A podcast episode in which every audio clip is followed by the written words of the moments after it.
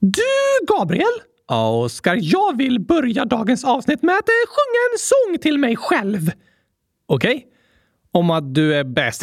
Nej tack. Men det är också en fin sång. Lite självuppmuntran sådär. Ja, det kan man kalla det i alla fall. Men vilken sång är det du vill sjunga? Jo, nu när jag sitter fast mitt i 1700-talet i Pompejis utgrävning med ett trasigt kylskåp så passar det verkligen att önska mig själv en ny kyl. Ah, du tänker så. Så den här omskrivningen av julsången passar bättre idag än någonsin tidigare. Det gör den faktiskt. Och perfekt att börja avsnittet med för att komma i julstämning. Det är också en bra idé faktiskt. Vi sjunger igång! Yeah, yeah, yeah! Med? Nu kommer nya julsånger av Oskar! Ny kyl önskar vi er alla, ny kyl önskar vi er alla, ny kyl önskar vi er alla och att glass i den står Ny kyl önskar vi er alla, ny kyl önskar vi er alla, ny kyl önskar vi er alla. Och att glass i den står. När andra paket har varit till förtret så får du en kyl med sin fullkomlighet. Och ny kyl önskar vi er alla, ny kyl önskar vi er alla, ny kyl önskar vi er alla och att glass i den står. Du kanske haft ett tungt år som lämnat djupa spår men glädjen återvänder när du kylskåpet får. Ny kyl önskar vi er alla, ny kyl önskar vi er alla, ny kyl önskar vi er alla och att glass i den står. Ny kyl önskar vi er alla, ny kyl önskar vi er alla, ny kyl önskar vi er alla och att glass i den står. När kylen börjar fylla dess härlighet du hylla och snart i ditt kök det av vänner börjar krylla. Ny kyl önskar vi er alla, ny kyl önskar vi er alla, ny kyl önskar vi er alla och att glass i den står. Yeah, yeah, yeah, ny kyl till alla där ute. Alla behöver en kyl.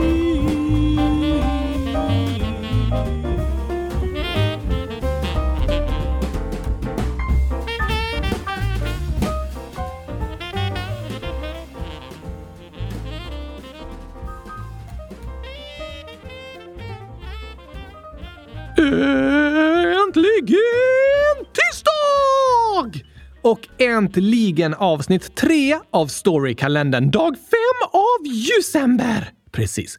Det är det idag. Och en ny kyl önskar vi till mig som sitter fast i historien och till alla er som lyssnar. God jul önskar jag. Ny kyl och att glass i den står. Okej. Okay. Också en fin önskan. Men vi har mer respons, Oskar. Vadå? Panda 1, 2, 3, 4, 5, 6, 7, 8, 9 skriver “Ska ni inte ha skämt?” Och så hur många chokladkakor? Och det är 397 stycken. Det var ett läskigt skämt. Angelo GCJ 8,7 år skriver också “Ni har inte haft dagens skämt i storykalendern. Varför?” PS. Hur många ön är det? Och jag ska tjuvkolla. Det är 157 stycken. Räknar du det? Eh, jag räknade ut det väldigt snabbt. Och det där har jag också tänkt på. Hallå! Var är julskämten? Ja, det är en väldigt bra fråga. Alltså, berättelsen har varit spännande och lärorika, Gabriel, men kylskåpsradion är inte kylskåpsradion om det inte är skämt med. Jag håller absolut med dig och er om det, men det krävs lite tid att berätta en berättelse, så i de första avsnitten har största delen av tiden gått åt till det. Okej, okay, jag fattar. Men hur ska vi kunna ha en god jul om vi inte har laddat upp med hundratusen julskämt att underhålla våra släktingar med?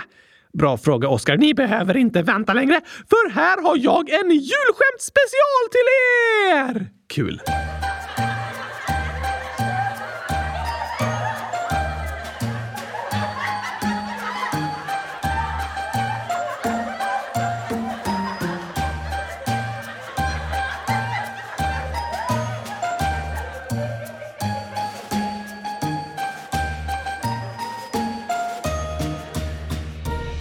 Gabriel, det är en hel del föräldrar som lyssnar på den här podden. Det är det.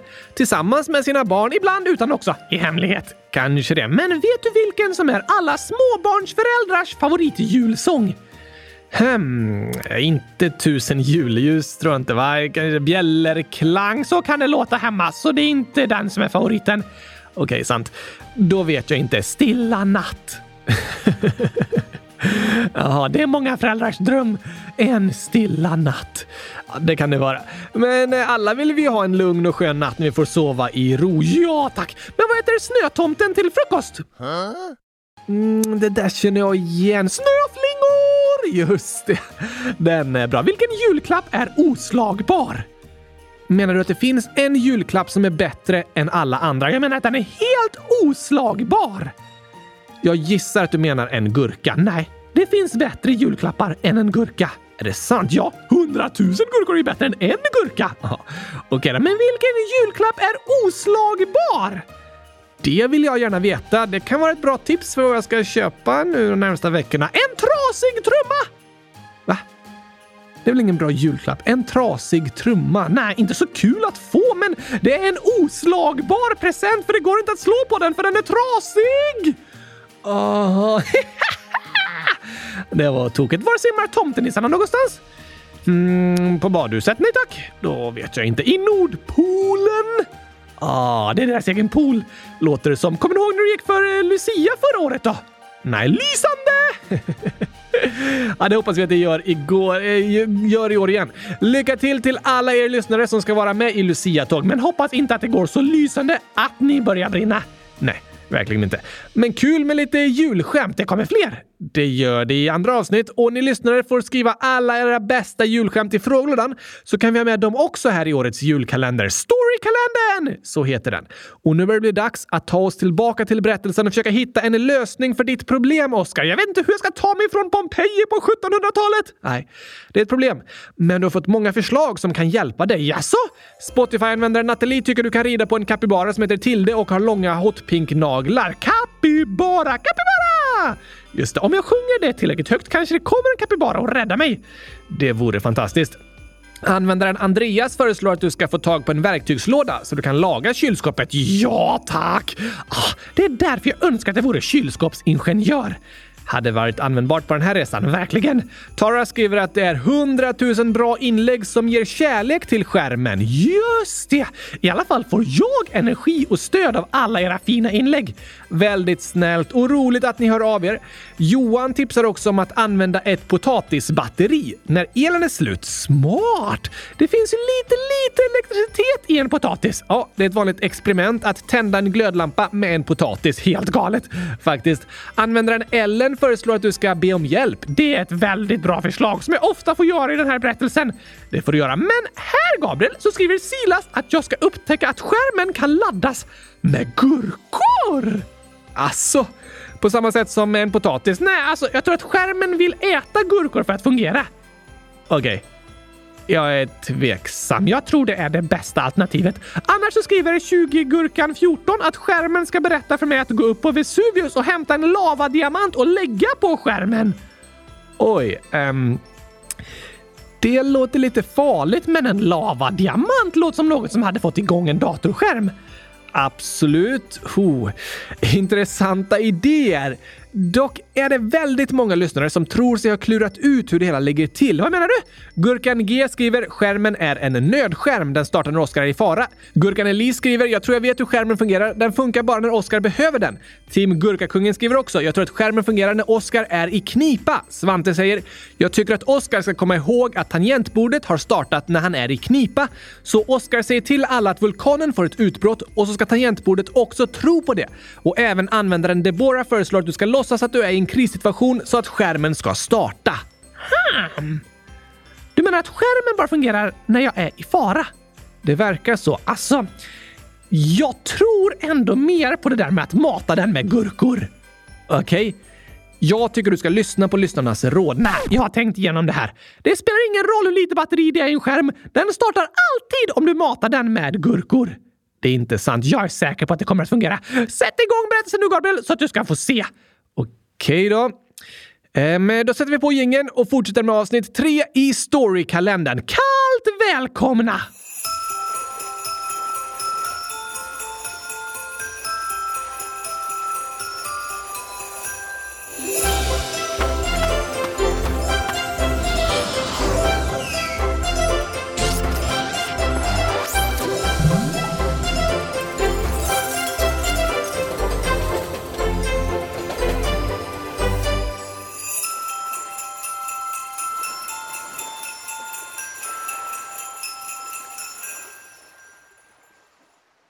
Det är år 1748 och Oscar sitter fast vid den arkeologiska utgrävningen av Pompeji.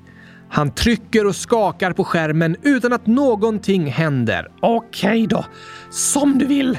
Jag ska dela med mig av min gurka till dig. Då insåg han att han precis ätit upp sin sista gurka. Ah, typiskt! Jag får promenera hela vägen in till Neapel för att köpa fler gurkor. Oscar började gå och efter många timmar var han framme i Neapel.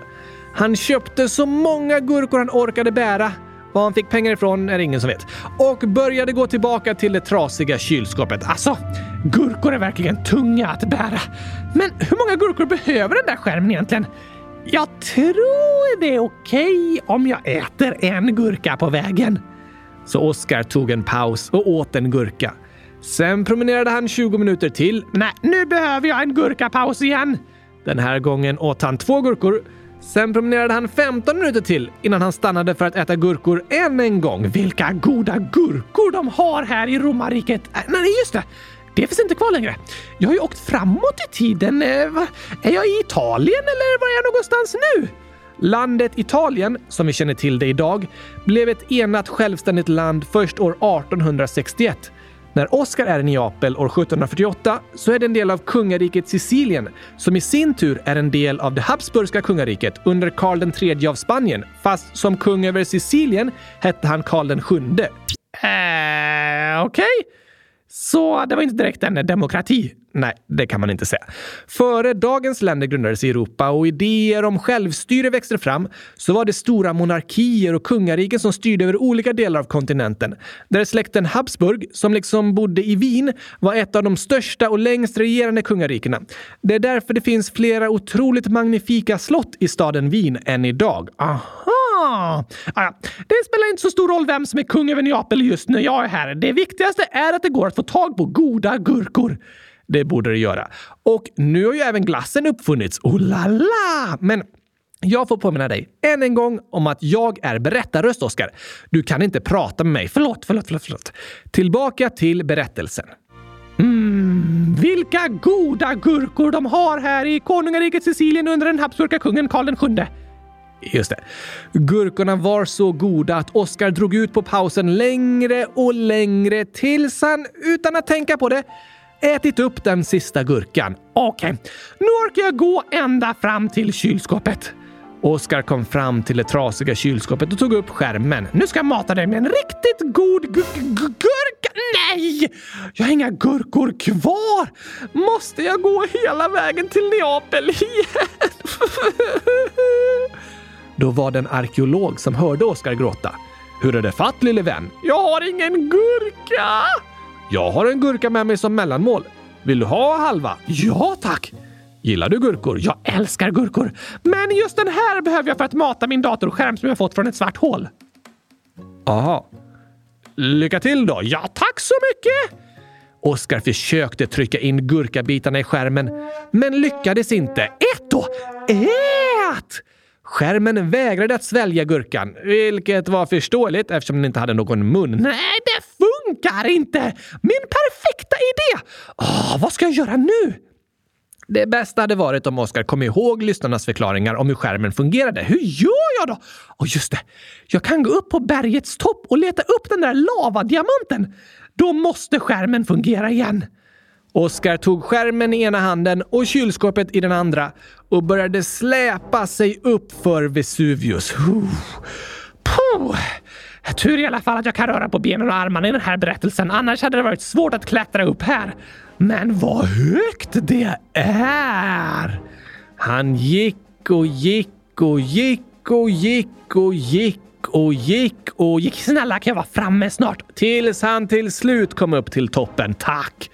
Där tittade han ner i den stora kratern, men ingenstans kunde han se en magisk lavasten. Han gick runt och letade utan några framsteg. Ah, jag trodde det skulle finnas ett lager med magiska stenar här att plocka ur, men allt jag ser är som ett gigantiskt hål där det brunnit en stor eld. Aska och svarta stenar överallt. Jag får ta en paus. Oskar satte sig på kanten på kylskåpet. Men då... Ah! Kylskåpet välte åt sidan och Oskar föll in i det samtidigt som det började rulla ner för den 300 meter djupa kratern. Hjälp! Jag håller på att krascha in i en vulkan! Då lyste skärmen upp igen. Det var verkligen i sista sekunden, men det är så svårt att skriva när allting bara snurrar! Oskar tryckte vilt på tangentbordet utan att veta vad han skrev. Sen försökte han nå enter-knappen. Äh, eh, där, nej, jag missade! Nej, där, nej, innan jag träffar botten! Snälla, snälla, ja! I samma stund som kylskåpet skulle slå i botten av kratern så försvann det från vulkanen Vesuvius och började färdas genom tid och rum. Det går inte så fort! Känns som vi mest svävar omkring ute i rymden. Då valde Oskar att öppna på kylskåpsdörren. Då såg han getmotorn! Han tog tag i motorn med ena handen och startade den med den andra. Sen höll han i så hårt han kunde medan kylskåpsraketen satte fart genom rymden. Nu går det undan! Stjärnorna stod som streck utanför kylskåpet. Tidsresan var igång igen. Men plötsligt väjde raketen åt sidan och satte fart ner mot jorden. Oskar var framme vid en tid som Tara och Silas föreslagit och kylskåpsraketen landade mjukt på jorden. Åh, vilken skön landning! Varför är det inte sådär varje gång? Men eh, jag får inte upp kylskåpsdörren. Den sitter fast! Kylskåpsraketen hade slagit ner i en stor snödriva och nu var dörren täckt av snö. Jag kommer inte ut! Ah! Ah! Ah! Ah! Oskar bankade på dörren och tryckte allt vad han hade. Då plötsligt hörde han någon utanför. Det är någon där! Plötsligt öppnades kylskåpsdörren. Hallå? Mår du bra? Frågade en 24-årig man med långt skägg som var helt fruset till is. Ja tack, jag mår finfint, tackar som frågar. Men hur mår du egentligen? Du ser lite frusen ut. Ja, det är en kall natt och jag har varit på flykt länge. På flykt? Från vem då? Danskarna. Är de arga på dig? Det har de alltid varit. Men den senaste tiden har det varit värre än någonsin tidigare. Mm, nu vet jag inte om jag förstår riktigt. Vilket år är det egentligen? Det är i början av december år 1520. Ah, äntligen någon som svarar exakt det jag vill veta på den frågan. Men vänta lite. Du är Gustav Vasa? Gustav Eriksson heter jag. Känner jag dig? Ja, ah, just det. Du bytte namn till det sen.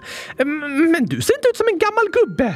Jag är 24 år gammal. Du är knappt hunnit bli vuxen. Oj, oj, oj. Är du kung av Sverige än? Kung av Sverige? Nej, det är Kristian. Tyrann. Aha!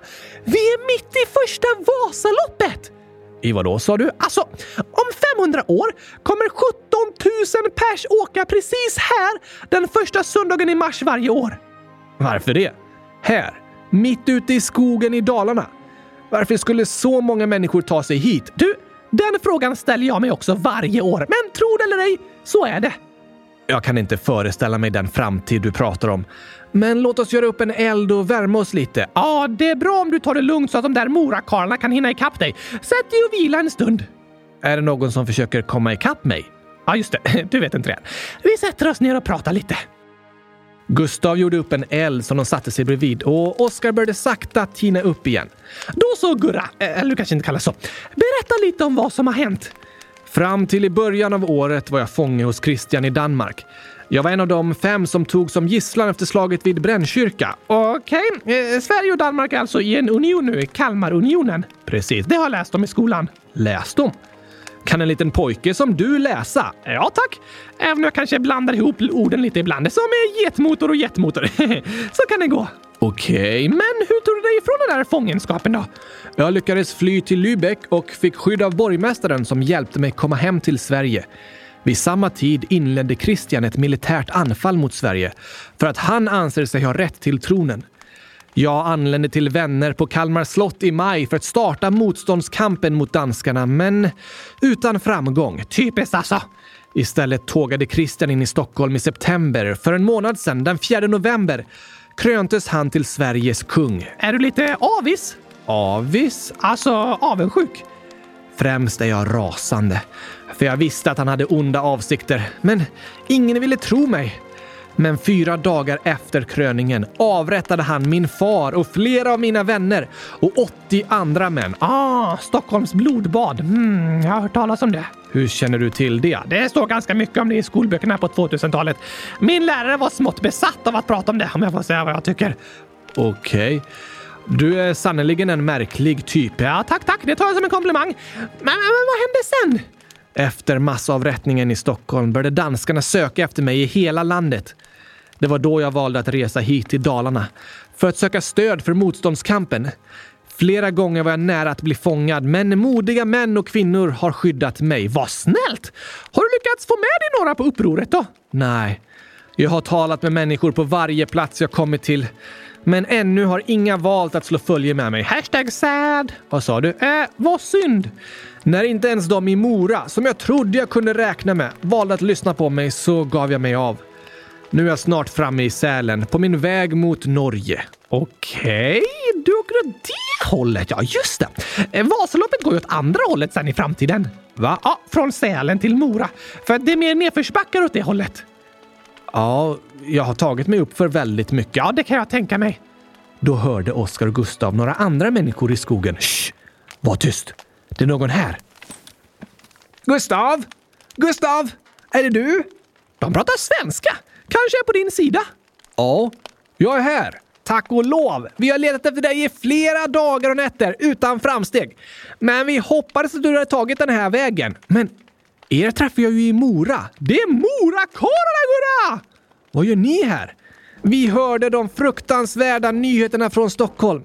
Vi är redo att stå vid din sida i upproret mot Christian Tyrann. Ja, erkänn att han är en tyrann. Passande smeknamn faktiskt. Vi vill att du följer med oss tillbaka till Mora. Vi är redo att utse dig till hövitsman över Dalarna och meniga Sveriges rike och vill att du ska leda vårt befrielsekrig. Tack för att ni kom. Självklart följer jag med er. Nice Gurra! E- eller Gustav menar jag. Du fick några vänner till slut. Fortsätt kämpa bara så kommer du bli kung över Sverige om ett och ett halvt år. Tror du det? Ja, det vet jag. Bokstavligt talat, för det står i historieböckerna. Tack för ditt stöd. Tack vare dig återförenades jag med Morakarlarna. Aha, nu har jag varit med och sett till att det moderna Sverige grundades också. Ganska fullspäckad resa än så länge. Jag hoppas att vi ses igen. Det är jag säker på att vi inte gör. Men ha det bäst i test och stort lycka till! Förresten, kan du göra mig en liten tjänst? Vad önskar du? När ni skapar Sveriges flagga, när det nya kungariket och sådär grundas. Vad tror du om en gurka på blå bakgrund? Fast den ska vara gul och blå som Tre Kronors vapen. Ja, just det. Men en gul gurka på blå bakgrund? Nej, den måste vara ett kors. Den protestantiska tron kommer vara i centrum för mitt ledarskap. Sant!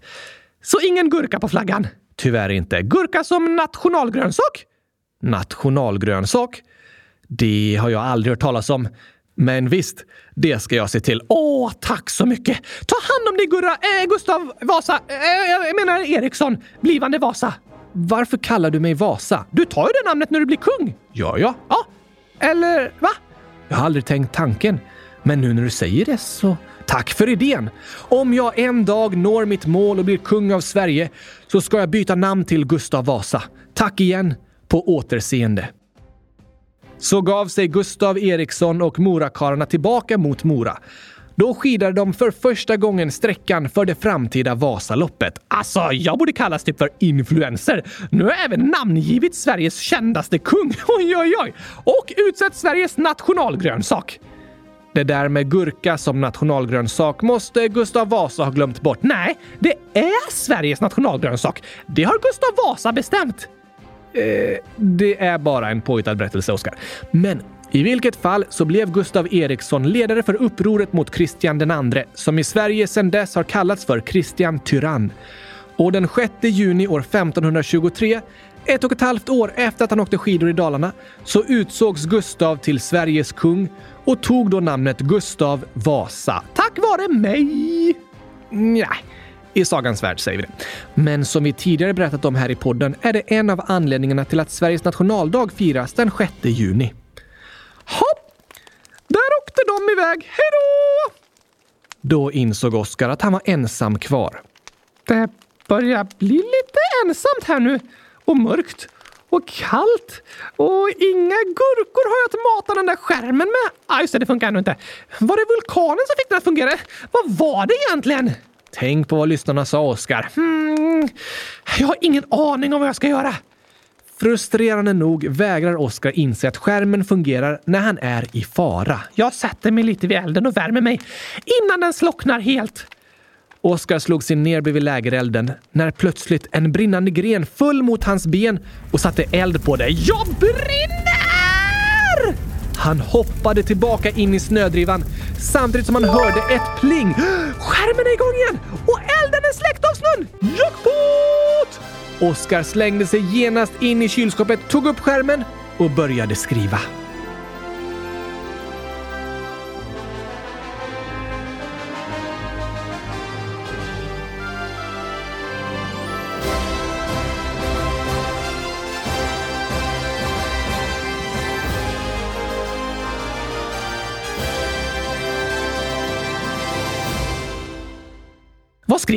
Det får du veta på torsdag. Nej! Alltså, det här med cliffhangers är inte min grej. Lite för spännande. Okej, det här var ju inte lika rafflande slut som när du höll på att bli uppäten av två tigrar. Nej, men jag håller ju på att brinna upp! Ja, fast elden slocknade med hjälp av snön. Ah, tack och lov. Spännande att träffa Gustav Vasa ändå. Verkligen. Tack till alla er som föreslog den berättelsen. Låt lite ensamt att åka skidor genom skogen sådär. Ja, det var det nog. Men det diskuteras om det faktiskt har hänt på riktigt eller inte. Va? Är det påhittat? Eventuellt. Något Gustav Vasa är väldigt känd för är hans välutvecklade propaganda. Vad betyder det? Propaganda är när till exempel ledarna i ett land väljer att berätta saker på ett visst sätt för att de som lyssnar ska få känna positiva känslor för ledarna och negativa, alltså dåliga känslor, om motståndarna. Aha! Och i samband med Gustav Vasa och senare svenska kungar så började en viss historia om Sverige som land skrivas. Och de skrev den om sig själva. Gustav Vasa använde mycket propaganda för att stärka sitt rykte och stärka sin makt. Det är vanligt i diktaturer att använda propaganda och att förbjuda de som säger emot diktatorn, typ olika tidningar och så. Absolut, det är det. Och i alla krig och konflikter försöker de på båda sidorna få omvärlden att tro på deras historia och deras beskrivningar av vad som händer. De sprider propaganda där de upphöjer sig själva och talar illa om sina motståndare. Det har du rätt i! Det är därför det brukar sägas att krig är även en strid om sanningen och om historien. Det gäller även om Gustav Vasas krig. Så är det. Så många historiker diskuterar idag vad som är sant och vad som är påhittad eller överdriven propaganda i berättelsen om Gustav Vasa och i berättelsen om Sverige. Det är svårt att veta, för det var de som hade makten som själva skrev historien om sig själva och lämnade över det till alla vi som kom efter. När man får höra saker så är det viktigt att fråga sig vem som säger det och varför de vill säga det. Verkligen. När vi studerar historia så är det väldigt viktigt att inte bara läsa böcker om det som har hänt utan även analysera vem som har skrivit det och i vilken tid det har skrivits och med vilket mål. Okej. Okay. Det gör att det inte alltid är så lätt att studera historia och det kommer vara många diskussioner mellan historiker som har olika perspektiv, kanske på grund av sina egna politiska åsikter idag. Sant! En känd författare som heter Vietan Nguyen har sagt så här. Alla krig utkämpas två gånger. Första gången på slagfältet, andra gången i minnet. Intressant! Jag tycker det är ett bra citat som handlar om att det är viktigt att vi reflekterar över hur historiska berättelser används och hur information sprids. Särskilt är det bra att vara kritisk när det är personer som har makten som själva skriver historien om sig själva. Det är ganska logiskt att de berättar om sig själva med liksom ganska fina ord och kanske inte kritiserar sig själva så mycket i den berättelsen som de själva skriver. Ja, så är det. Och det är så propaganda fungerar. Och propaganda är inget som bara hör till historien, utan är lika vanligt idag som på Gustav Vasas tid. Men grejen är att det idag finns många fler producenter av information. På den tiden var det bara några få som kunde trycka upp böcker och plakat och affischer och bara några få som kunde läsa. Idag kan vem som helst sprida en text eller film på internet. Men då som nu är det viktigt att vara källkritisk och fundera på vem som säger vad och med vilka avsikter de säger vad de säger. Gäller även för influencers som berättar om eh, varför en särskild produkt är världens bästa sak samtidigt som de får betalt för att säga det. Precis, från företaget som gör produkten. Det är ett exempel på när det är bra att vara källkritisk. Dagens reflektion det tar vi med oss ifrån dagens avsnitt. Och så har vi lärt oss att gurka är Sveriges nationalgrönsak. Nej, jo, det har Gustav Vasa bestämt. Uh, du har hittat på det. Men eh, frågan är vart vi ska i nästa avsnitt, Oskar. Oh la la! Och vi behöver er lyssnares hjälp att gå in och rösta på det. Ja, tack! Vi har fått förslag från lyssnarna som vi lägger ut i en omröstning och det alternativ som vinner omröstningen reser du till nästa gång. Okej? Okay? Går det att skicka in fler förslag? Ja, det kan ni göra så vi kan fortsätta rösta inför kommande avsnitt av julkalendern. Och eh, omröstningen finns på hemsidan, så ni kan alltid rösta där. Gå in på www.kylskåpsradion.se så ligger omröstningen på första sidan där. Det gör den. Och här är förslagen. Juliga katten CO12, 11 år, skriver Oskar kan vara med om när telefonen uppfanns. Aha! Alvar, 11 år. Kan ni ha med stormaktstiden och 1800-talet? För på 1800-talet hette två, tre kungar Oskar. Nej, är det sant? Ännu bättre kunganamn! Potatis 8 år. Kan ni göra ett avsnitt när Oskar är med i Tjernobylexplosionen? Åh, oh, det låter lite läskigt, men väldigt intressant. Hampusgurkan 8 år. Jag vill att ni ska göra att Oskar åker in i framtiden och möter en robot. År 2099, framtiden! Here I come! Gurkis 100 000. Hej! Nästa avsnitt kan handla om att han hamnar i stenåldern och att han försöker anpassa sig, men de börjar jaga honom för att de blir arga. Nej! För läskigt och spännande. Ja, på samma gång. Glögg 1 år. Tips till julkalendern. Det kommer ett flygande kylskåp som gör att Oskar kommer på flygande kylskåp. Ja, tack, det vill jag göra. Meja Lisea Gurka 9 och 5 år. Oskar skulle åka till Gurkalandet, men då så kraschade flygplanet och Oskar landade i Gurkjord och därför bjöd de gurka och kylskåp och Oskar skulle visa att gurka och kylskåp klarar sig! Gurkalandet! Vilken fantastisk idé! Många fantastiska idéer, verkligen. Och här är ett förslag som många önskar. Gurkis 100 000 skriver Hej, jag älskar podd. Kan ni ha något avsnitt när Oscar är på Titanic? Snälla, snälla, snälla, snälla. Och Semlan 12 år, jag har ingen aning om hur Oscar ska komma till Sverige just nu, men jag tycker att hans lösning ska gå fel så han hamnar i Titanic och får gurka och glass där. Och Gurka Gurka har skrivit tio gånger. Snälla kan Oscar vara på Titanic i nästa avsnitt? Snälla! Jag tror det är många som vill det. Det verkar det. Ni kan rösta på det i omröstningen och även den tidsresande ekorren, jag tror nog åtta år, skriver Oskar kan åka till tiden när Oskar den första levde som upptäcker gurkaglass. Ja tack! Svante, åtta år, skriver kan sista avsnittet av kalendern vara att Oskar ska åka till tomteverkstan och träffa tomten och tomtemor och nissarna. Hoho! Passar på julafton! Gurkan skriver åka till Egypten och Margit skriver han ska till Hasslö när det var en fiskeö. Nämen! Julia Ta föreslår att du ska åka till när kylskåpet uppfanns. Gärna! Och Erika skriver det ska komma en flygande enhörning som tar honom, kylskåpet och datorn till 26 januari år 1887 när Eiffeltornet började byggas. Vad? Det här är för spännande resor alltså! Vilka underbart spännande förslag ni har skrivit. Gå in i omröstningen på vår hemsida www.kylskåpsradion.se så åker Oskar till det alternativ som har fått flest röster på torsdag om jag lyckas få igång den där dataskärmen. Den funkar när du är i fara och nu är du i fara så den kommer att funka. Ja, vi får se. Jag har inga gurkor att mata den med. Vi har förklarat det här för dig så många gånger, Oskar. Men vi löser det på torsdag på något sätt. Jag är också med och skriver berättelsen. Ja, det har du rätt i. Så vinnande förslaget, det handlade om på torsdag. Jag längtar redan. Jag också. Men innan vi avslutar idag ska vi läsa upp två sista inlägg. Nora snedstreck Nono, 10 snart 11 år, skriver Hej! Jag fyller år 50 12. PS. Jag har en gurkagåta. Vad sa gurkan till Gabriel?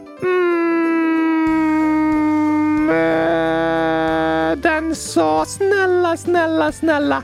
Mosa mig och lägg mig i glass och ge mig till Oscar. Nej, det sa den inte. Alternativ 1. Inget, för en gurka kan inte prata. det är väldigt sant. Alternativ 2. Inget, för Oskar har redan ätit upp den. Ja, det är också sant! Väldigt bra förslag.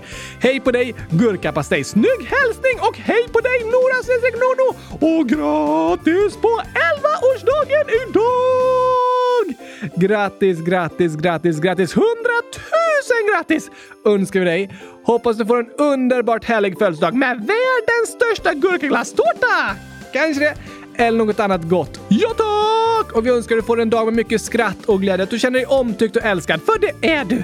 Det är du. Och Mi Matilda, men är född i Sverige, ålder 8 år, skriver Hej, jag fyller år den 6 december. Jag undrar om ni kan ta med den här frågan. Jag är jätteglad, men det känns lite annorlunda som när jag fyllde 8 år. Jag har inte skrivit så mycket sedan i juli. Jag vill också berätta att jag har börjat i en ny dansgrupp. Jag var igår på dansens lilla julfest. Man kunde vinna en godispåse per dansare. Älskar er podd och massa hjärtan. Åh, vad roligt att höra från dig, Mi Matilda! Superfint att höra ifrån dig och stort, stort, stort grattis på födelsedagen imorgon! Ja, ja, ja, ja, ja tack! Ha det bäst i test och en superfest! Hoppas du vann godispåsen med gurkagodis i den! Jag gissar att det var något annat än gurkagodis, men vi hoppas att du har njutit av godiset och att du får njuta av en underbart härlig födelsedag. Ja, ja, ja, ja, ja, tack! Stort grattis till dig! Hundratusen grattis önskar vi dig! Det önskar vi. Och vi önskar er alla två fina dagar tills vi hörs igen. Oj, oj, oj, på torsdag! På torsdag den 7 december. Det var nära ögat. Det var nära ögat. Då är vi tillbaka med avsnitt 4 i Storykalendern. Jag kan inte vänta. Det blir väldigt spännande. Ni får vara med och rösta om vart vi ska åka då. Vi? Eh, vart Oskar ska åka då? Ja tack! Fast vi åker ju alla tillsammans här i Storykalendern. Åker vi med dig i berättelsen? Mm, fast ändå jag som åker. Eh, ni får vara med och rösta om vart Oskar ska åka då, så vi får lyssna på den berättelsen om vart Oskar åker. Det var bättre sagt. Tack. Då ses vi igen. Hörs vi igen? Oh, du märker många ord, Oskar. Ja, det gör jag. vi hörs igen på torsdag. Ha det bäst i test tills dess. Tack och hej! Historisk gurkapastej. Hej då!